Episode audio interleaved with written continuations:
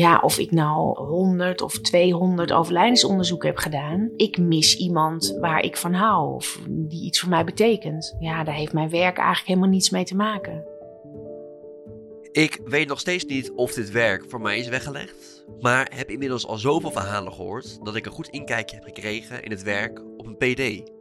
En ik denk dat praten is, is het aller, allerbelangrijkste bij ons. Vertellen hoe je iets ervaren hebt. Als je ergens nog langer mee zit dan dat je eigenlijk had gehoopt, dat vertellen. Kijk, het is niet voor niets dat PTSS bij ons best wel veel voorkomt.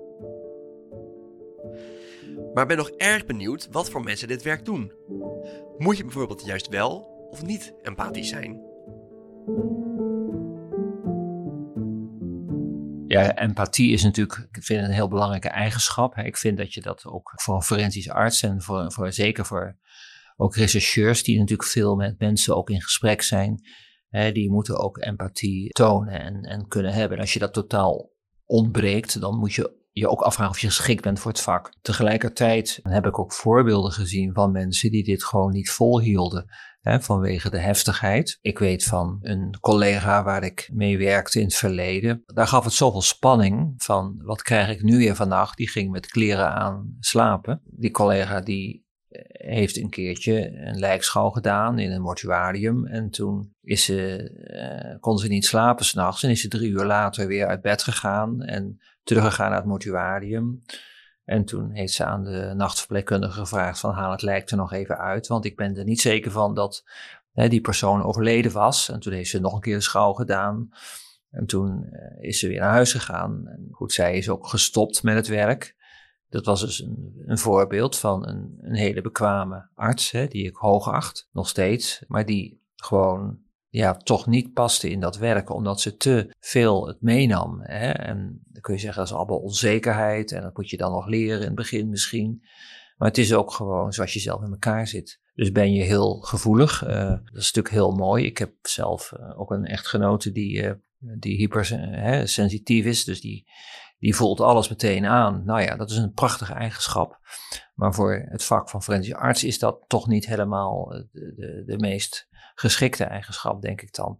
dan kun je beter wat minder gevoelig zijn. Ik zeg ook niet dat het vak bevolkt wordt door alleen maar rouwdouwers. Zo is het natuurlijk ook niet. Je kunt beter wat te maken hebben met mensen die ja, iets minder dat meenemen ook. Dat heeft gewoon met je natuurlijke eigenschappen te maken en je kenmerken. Het is nooit dat je nog, nog droomt over bepaalde gebeurtenissen die je hebt uh, meegemaakt? Dat heb ik eigenlijk niet, nee. Dat is een goede vraag. Ik heb me dat nog nooit ook afgevraagd, maar ik heb dat eigenlijk niet, nee. Kijk, als alles je raakt en je hebt zoveel empathie dat je bij iedere casus je voorstelt wat een verdriet iemand heeft, een familie, dan neem je dan zo op je schouders mee. Daar zit je jezelf mee in de weg. Dus een beetje inleven is prima, maar nogmaals, wij hebben als forensisch rechercheurs, onderzoekers over het algemeen niet met de nabestaanden te maken. Maar ik denk dat dat ook geldt voor tactische rechercheurs. Natuurlijk moet je een beetje meeleven, zeker, en empathie tonen. Maar je moet er niet s'nachts van wakker liggen. Dus daar moet wel een balans in zitten. Als dingen je te veel raken, dan, ja, dan zit je op een gegeven moment vast. Dan, dan kan je niet meer verder. En, en zijn er zaken die, waarbij dat extra lastig is om die emotie buiten te, te, houden? Nou, dat is heel persoonlijk. De een zal zeggen, oh, ik heb dat bij uh, kinderen. Maar het kan ook een associatie zijn die je bijvoorbeeld met je overleden opa hebt. Dat je denkt, oh wat lijkt die erop? Of het was dezelfde situatie. Het verschilt enorm per zaak. Het ene raakt je meer dan het andere, omdat dat ook afhankelijk is inderdaad van je eigen ervaringen, van je beeldvorming uh, en waar je nou eenmaal iets meer bij voelt. Ik kan me voorstellen, als je zelf kinderen hebt, dan kan je het, leed en het verdriet van de ouders natuurlijk heel goed invoelen. Maar ja, als net je opa is overleden, ik noem maar iets, en uh, je komt in een uh, zaak terecht, iets soortgelijks, zelfde leeftijd. Ja, dan, dan zou je daar misschien meer door geraakt zijn. Ik denk dat het, als je een zaak hebt met kinderen van de leeftijd van de kinderen die je zelf hebt, ik denk dat dat het meest raakt. Omdat je dan snel denkt van, oh, dit, is, dit zou mijn zoon kunnen zijn. Dus ik denk dat dat, uh, over het algemeen wil ik wel graag in alle soorten zaken het puzzeltje rond hebben, ja. Maar hoe, hoe ga je daarmee om dan, als je, als je merkt van dit vind ik lastig of dit komt al heel dichtbij? Ik denk dat het belangrijkste is om het te bespreken. En ik denk dat praten is, is het aller, allerbelangrijkste bij ons. Vertellen hoe je iets ervaren hebt. Als je ergens nog langer mee zit dan dat je eigenlijk had gehoopt, dat vertellen. Kijk, het is niet voor niets dat PTSS bij ons best wel veel voorkomt. En dat heeft vooral ook te maken met natuurlijk wat wij zien soms in een week is wat iemand in een lifetime niet ziet. Dat moet je kunnen, maar soms weet je ook niet dat het te veel is. Mhm. Soms merk je pas veel later. Ik heb collega's die pas tegen hun pensioen, tegen dingen echt achterkwamen waar ze dat ze eh, last hadden van iets wat twintig jaar geleden gebeurd is. En ik hoop dat de maatschappij waarin we nu leven, in ieder geval de werkomgeving waarin we nu leven, zo veilig en vrij is dat iedereen over zijn emotie kan praten en blijven praten. En dat collega's ook elkaar blijven, nou, blijven luisteren naar mekaars verhaal. Omdat we zo, denk ik, ervoor kunnen zorgen dat je in ieder geval of het snel door hebt als iemand tegen het randje aanloopt van het gaat niet meer. En misschien ook wel door de openheid en het kletsen. Misschien, nou, of je het helemaal kan voorkomen, weet ik niet. Gelukkig heb ik het nog nooit gehad. Maar ik denk wel dat het veel scheelt als je gewoon kan blijven kletsen met elkaar erover. Wat voor collega's werken hier zo bij de uh, tactische recherche? Moet je daar juist wel gevoelig voor zijn of, of niet? Los van dat je van puzzelen moet houden, denk ik. Maar... Ik denk dat het, dat, het, dat het een mix moet zijn. Ik denk dat als je allemaal dezelfde types hebt, dat je dan uh, dat het niet goed is. We hebben een team waarin we en gevoelige mensen hebben en mensen die wat harder zijn. En dat is een mooie combi. Dat je elkaar ook scherp houdt. Van ja, hier is even wat meer emotie nodig. Of hier moeten we wat zwart-witter naar kijken. Of je moet van puzzelen houden. Je moet vooral, denk ik, kunnen en durven praten en voelen. Dat gaat uiteindelijk mis als je dat niet kan. Dus is het een masker opzetten? Ik weet het niet. Maar je moet soms gewoon denken: oké, ik moet nu aan de slag. Hop, aan het werk. En daarna moet je weer, zeg maar, je masker af kunnen zetten en kunnen zeggen: Oké, maar nou moeten we daar even over praten. Want wow, dat was dit heftig, hè? Weet je wel? Om nou te zeggen: van ja, uh, je moet uh, geen emoties hebben. Ik denk dat het juist niet handig is. En je moet nieuwsgierig zijn. Je moet continu durven en willen vragen: van, maar hoe zit dat dan? Maar dit klopt toch niet? Klopt dit wel? Droom jij wel eens over, over je werk of over dingen die je hebt meegemaakt? Ja, ja, zeker. Dat gebeurt wel eens. Ik weet niet of dat per definitie slecht is. Daar heb ik ook wel eens over nagedacht. Van, goh, is dat dan iets dat je niet verwerkt? Maar ik denk dat je juist in je dromen wel dingen verwerkt. Dus het gebeurt niet vaak, maar ja, ik droom wel eens. En dan heb ik natuurlijk altijd een glansrol, dat begrijp je. dat verbaast me niks. Ik denk echt dat je naar huis moet gaan hier. En de deur moet dichttrekken als je uh, weer naar huis gaat, ook het gevoel moet hebben dat je het hier kan laten. Kijk, en het is goed dat je, dat je nog, nog, je kan nog brainstormen thuis en je kan nog eens bedenken en nog eens iets opschrijven. Maar als je continu thuis ook bezig bent met wat er hier speelt, dan denk ik dat dat niet gezond is. Dus ik denk dat je een soort mate van ja, werkmodus moet hebben die je wel echt af kan sluiten. Is dat het lastigste van aan jouw werk? Eventueel contact met, met nabestaanden? Nou, voor mij persoonlijk uh, vind ik dat wel lastig, ja. En ik heb zelf, ben van nature wel iemand die snel in contact treedt. Nou ja, eigenlijk een arm om iemand heen wil slaan. Maar ik probeer daar wel een beetje van weg te blijven. Want daar is het werk, vind ik, dan toch iets te zwaar voor. Ja, het zijn inderdaad natuurlijk vaak niet de leukste dingen die je meemaakt. Dus als je het de emotie een beetje erbuiten kan houden, dan maakt het werk te doen. En anders komt het te dichtbij. In september, nu vier jaar, ben ik werkzaam uh, bij de forensische opsporing. En ik heb natuurlijk nagedacht over, goh, zou ik dit werk aankunnen? Nou, dan maak je voor jezelf een inschatting. En dat, nou, die inschatting die klopte eigenlijk wel, maar ik had me eerlijk gezegd wel een beetje verkeken op het fysieke gedeelte. Dat je ehm, dus niet alleen de dingen ziet, maar je moet ze ook allemaal aanraken, uh, omdraaien. Uh, ja, en als een lichaam, hè, als iemand net overleden is, dan nou, kan je je voorstellen dat dat allemaal nog prima te doen is. Maar ja, als in de zomer iemand er al drie weken ligt, dan wordt het toch iets minder aangenaam. Daar had ik me wel een klein beetje op verkeken. Maar vooralsnog gaat het goed. okay. Maar ja, daar moet je wel tegen bestand zijn. En ook tegen geuren die je tegenkomt. Je hoort dat vaak uh, agenten zeggen. Als je eenmaal een overleden persoon hebt geroken die al even ligt. Die geur vergeet je eigenlijk nooit meer. En die herken je ook direct. Die zal je direct herkennen. Al bij de voordeur. Is het ook wel eens dat, dat, dat jullie uh, zaken naspelen? Of zo om te kijken hoe, hoe mensen... Uh, ja vallen, reageren. Ja, ja. dat doen we dan. Uh, dat, dat gaat wel in samenspraak met de forensische opsporing. Gaan ze bijvoorbeeld nabootsen, uh, stel er is een kindje gevallen en het kindje is overleden. Kan dan het verhaal wat een verdachte vertelt de impact hebben op het lichaam wat er onderzocht is? Kan dit?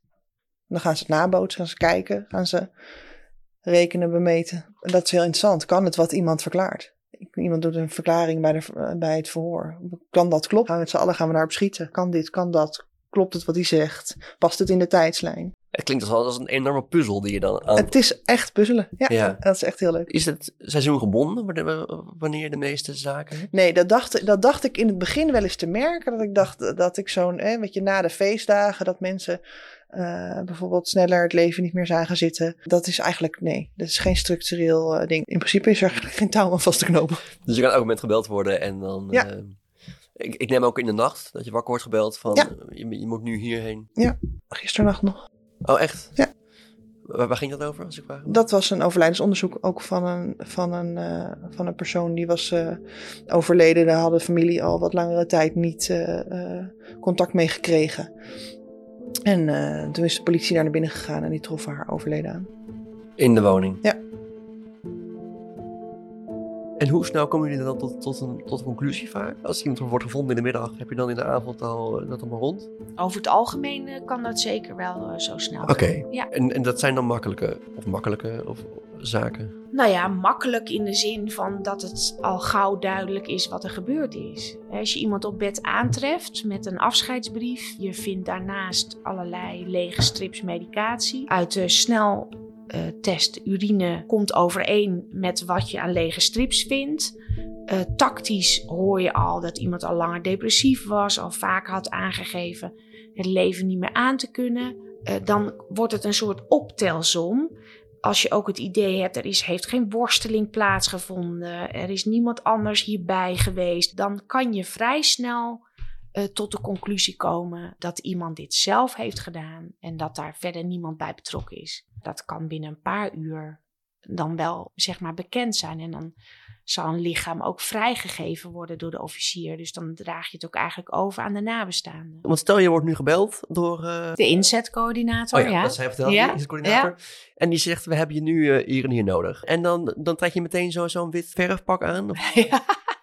Nou, dat, dat ligt er een beetje aan. Hè. Laten we nog maar even het, eh, de casus nemen van eh, een persoon die van een trap gevallen is. Kijk, dat, we weten nog niet of die persoon gevallen is. Kan ook geduwd zijn. Dus we gaan in principe in eh, wit pak naar binnen. Met mondkapjes voor, haarnetjes, handschoenen en voetjes. Dat, ziet altijd heel erg, voor mij, eh, Ja. toch spannend uit. Ja. Van hier gebeurt wat. Dat snap ik kan me ook voorstellen, midden in de zomer met 30 graden is dat... Nee, dat is niet leuk. Nee. Nee, nee, want het ademt niet. Dat, nee, dat klopt.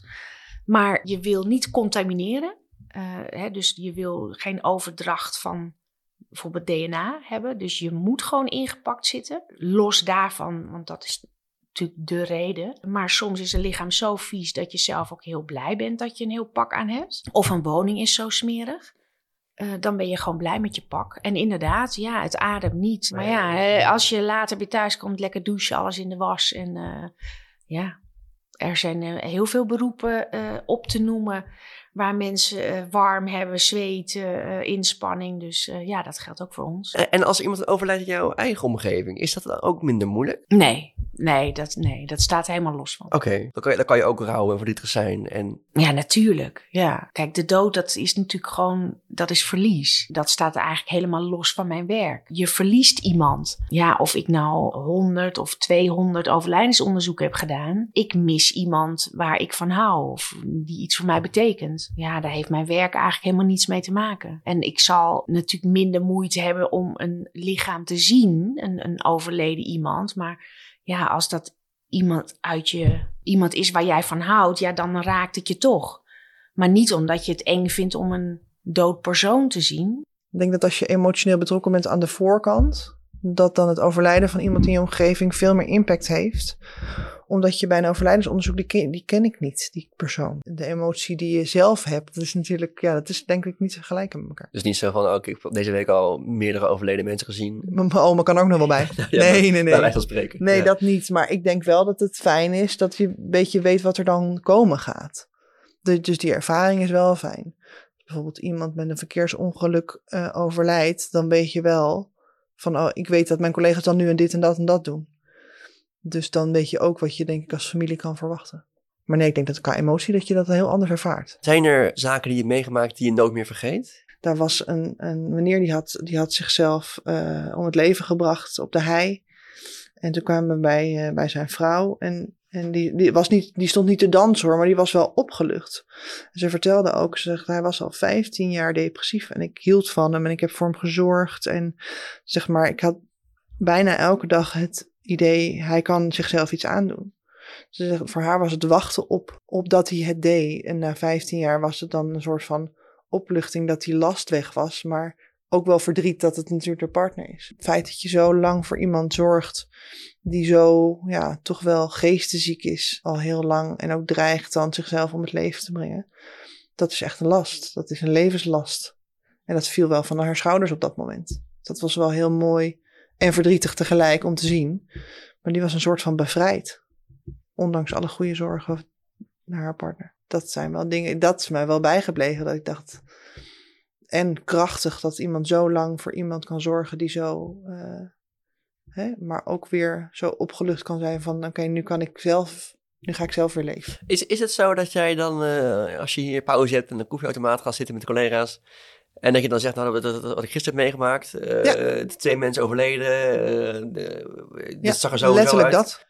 En dan tijdens het eten zie je te eten. En dan gaat het eerst gaat het, hebben de jongens over voetbal of Formule 1. En uiteindelijk draait het toch weer over de grote stoere jongensverhalen van de zaken van vroeger. En uh, ja, het is natuurlijk ook omdat we het allemaal heel erg leuk vinden wat we doen. Ook nog eens heel leuk om over te vertellen. Collega's van die wat ouder zijn, die hebben natuurlijk nog veel meer ervaring, veel meer zaken gedraaid. En ik hoor steeds weer verhalen aan de tafel van die, wat de jongens meegemaakt hebben, de meiden. Um, wat ik nog niet wist. En dan denk ik, oh, dat is tof. En oh, wat, wat goed. En hoe is die zaak opgelost dan? En... Het lijkt mij wel een sfeerbepalend uh, werk wat je, wat je doet. Maar als je wat kan vertellen van, ik heb ja. iemand getroffen en die lag al drie maanden. Ja. Dat, dat, dat vrienden zeggen van, nou, uh, eet smakelijk, ja. uh, vertel me een ander ja. Ja, dat klopt, ja. En hier aan de tafel is natuurlijk de meest, de meest uh, grote details. En ik merk ook wel dat soms, als je aan het vertellen bent, dat mensen dat heel heftig vinden wat je meemaakt. Maar voor mij is het niet meer heftig. Dus dan merk je wel eens, dat brengt je ook wel in de realiteit weer van, oh ja, dit is niet heel normaal wat wij elke dag zien. Ik vroeg me nog af, want ik, ik hoor inderdaad links en rechts dat er uh, een chronisch tekort is aan, uh, aan, mensen in jullie vak. Ja, zeker. Ja. Hoe uh, uitzicht dat? Is, zijn er nog situaties die, die, jullie misschien dan niet kunnen doen, of dat het langer duurt? Of... Ja, zeker. Ja. ja, er zijn situaties dat we niet meer kunnen leveren. Dan zeggen we tegen de politie van, ja, we hebben geen arts voor de arrestantenzorg. Bijvoorbeeld, nou, aanstaande zondag is er geen, geen arts in Flevoland beschikbaar. Dus uh, wat we dan nu nog doen, is dat mijn collega Glenn, die hiernaast staat, die gaat dan de lijkschouw doen. En dan heb ik me maar aangeboden om de arrestanten te gaan doen in Flevoland. Maar dat betekent dat ik het heel erg moet gaan rijden. Daar zit ik niet op te wachten. En mijn vrouw die wil eigenlijk dat ik het helemaal niet meer doe, dat ik het nooit meer doe. Die vindt het gewoon veel te gevaarlijk dat ik s'nachts uh, eruit moet en, en, dan die lange ritten moet gaan maken. Er moeten gewoon echt meer mensen bij. Ja, ja. Ja, het is een beetje ingewikkeld, vind ik zelf ook, omdat we ook met een, een, een ander besef hebben te maken bij jonge uh, collega's. Hè. Het is natuurlijk nu zo dat de mensen van jouw generatie, hè, die zeggen van ik werk van zo tot zo laat en dan is het klaar, dan ben ik vrij. Voor artsen is dat ook heel erg zichtbaar. Nou, een van de artsen die bijvoorbeeld uh, als columnist in het artsenblad hè, uh, stukjes schrijft, een huisarts die zegt van, ja, roeping, uh, daar, ik, heb, ik ben niet een arts die een roeping heeft. Als je zegt dat je een roeping hebt, dat heeft iets onbegrensd. En dat, dat wil ik niet. Ik ben gewoon huisarts van zo tot zo laat en dan is het klaar. Ik, ik ben niet permanent beschikbaar, maar voor iedereen. Ja, dus daar zie je ook dat het hele besef en het hele gevoel van, ik heb een roeping als arts, dat dat verdwijnt. Nou, ik weet niet of het bij alle toekomstige en, en huidige jonge artsen zo is. Dat, dat, dat, dat, dat, zeg ik niet. Maar er is een heel duidelijk verschil. Mensen willen parttime werken. En dat betekent natuurlijk ook dat je minder mensen uh, overhoudt. Na al deze gesprekken en verhalen heb ik het gevoel dat ik steeds beter begrijp waarom mensen voor dit werk kiezen. En wat de mooie kanten ervan zijn. Maar ik ben niet alleen een jaar bezig geweest met het voeren van deze gesprekken maar ook om zelf te kijken hoe het werk er in praktijk uitziet. En precies dat hoor je in de volgende twee afleveringen. Ik heb vanavond dienst en ik ben ehm, net gebeld door een huisarts dat hij een overleden persoon in huis heeft geschouwd ehm, en geen natuurlijk overlijden kan afgeven. Dus de huisarts ehm, is niet zeker van de natuurlijke aard van het overlijden, waardoor hij geen overlijdenspapieren mag afgeven. En vind je deze aflevering, podcast of serie nou leuk? Dan kan je mij enorm helpen door naar de beschrijving van deze aflevering te gaan in je podcast-app en op het linkje te klikken om mij te steunen. Je kan dan eenmalig een bedrag overmaken. Dat helpt mij in ieder geval om verhalen te blijven maken.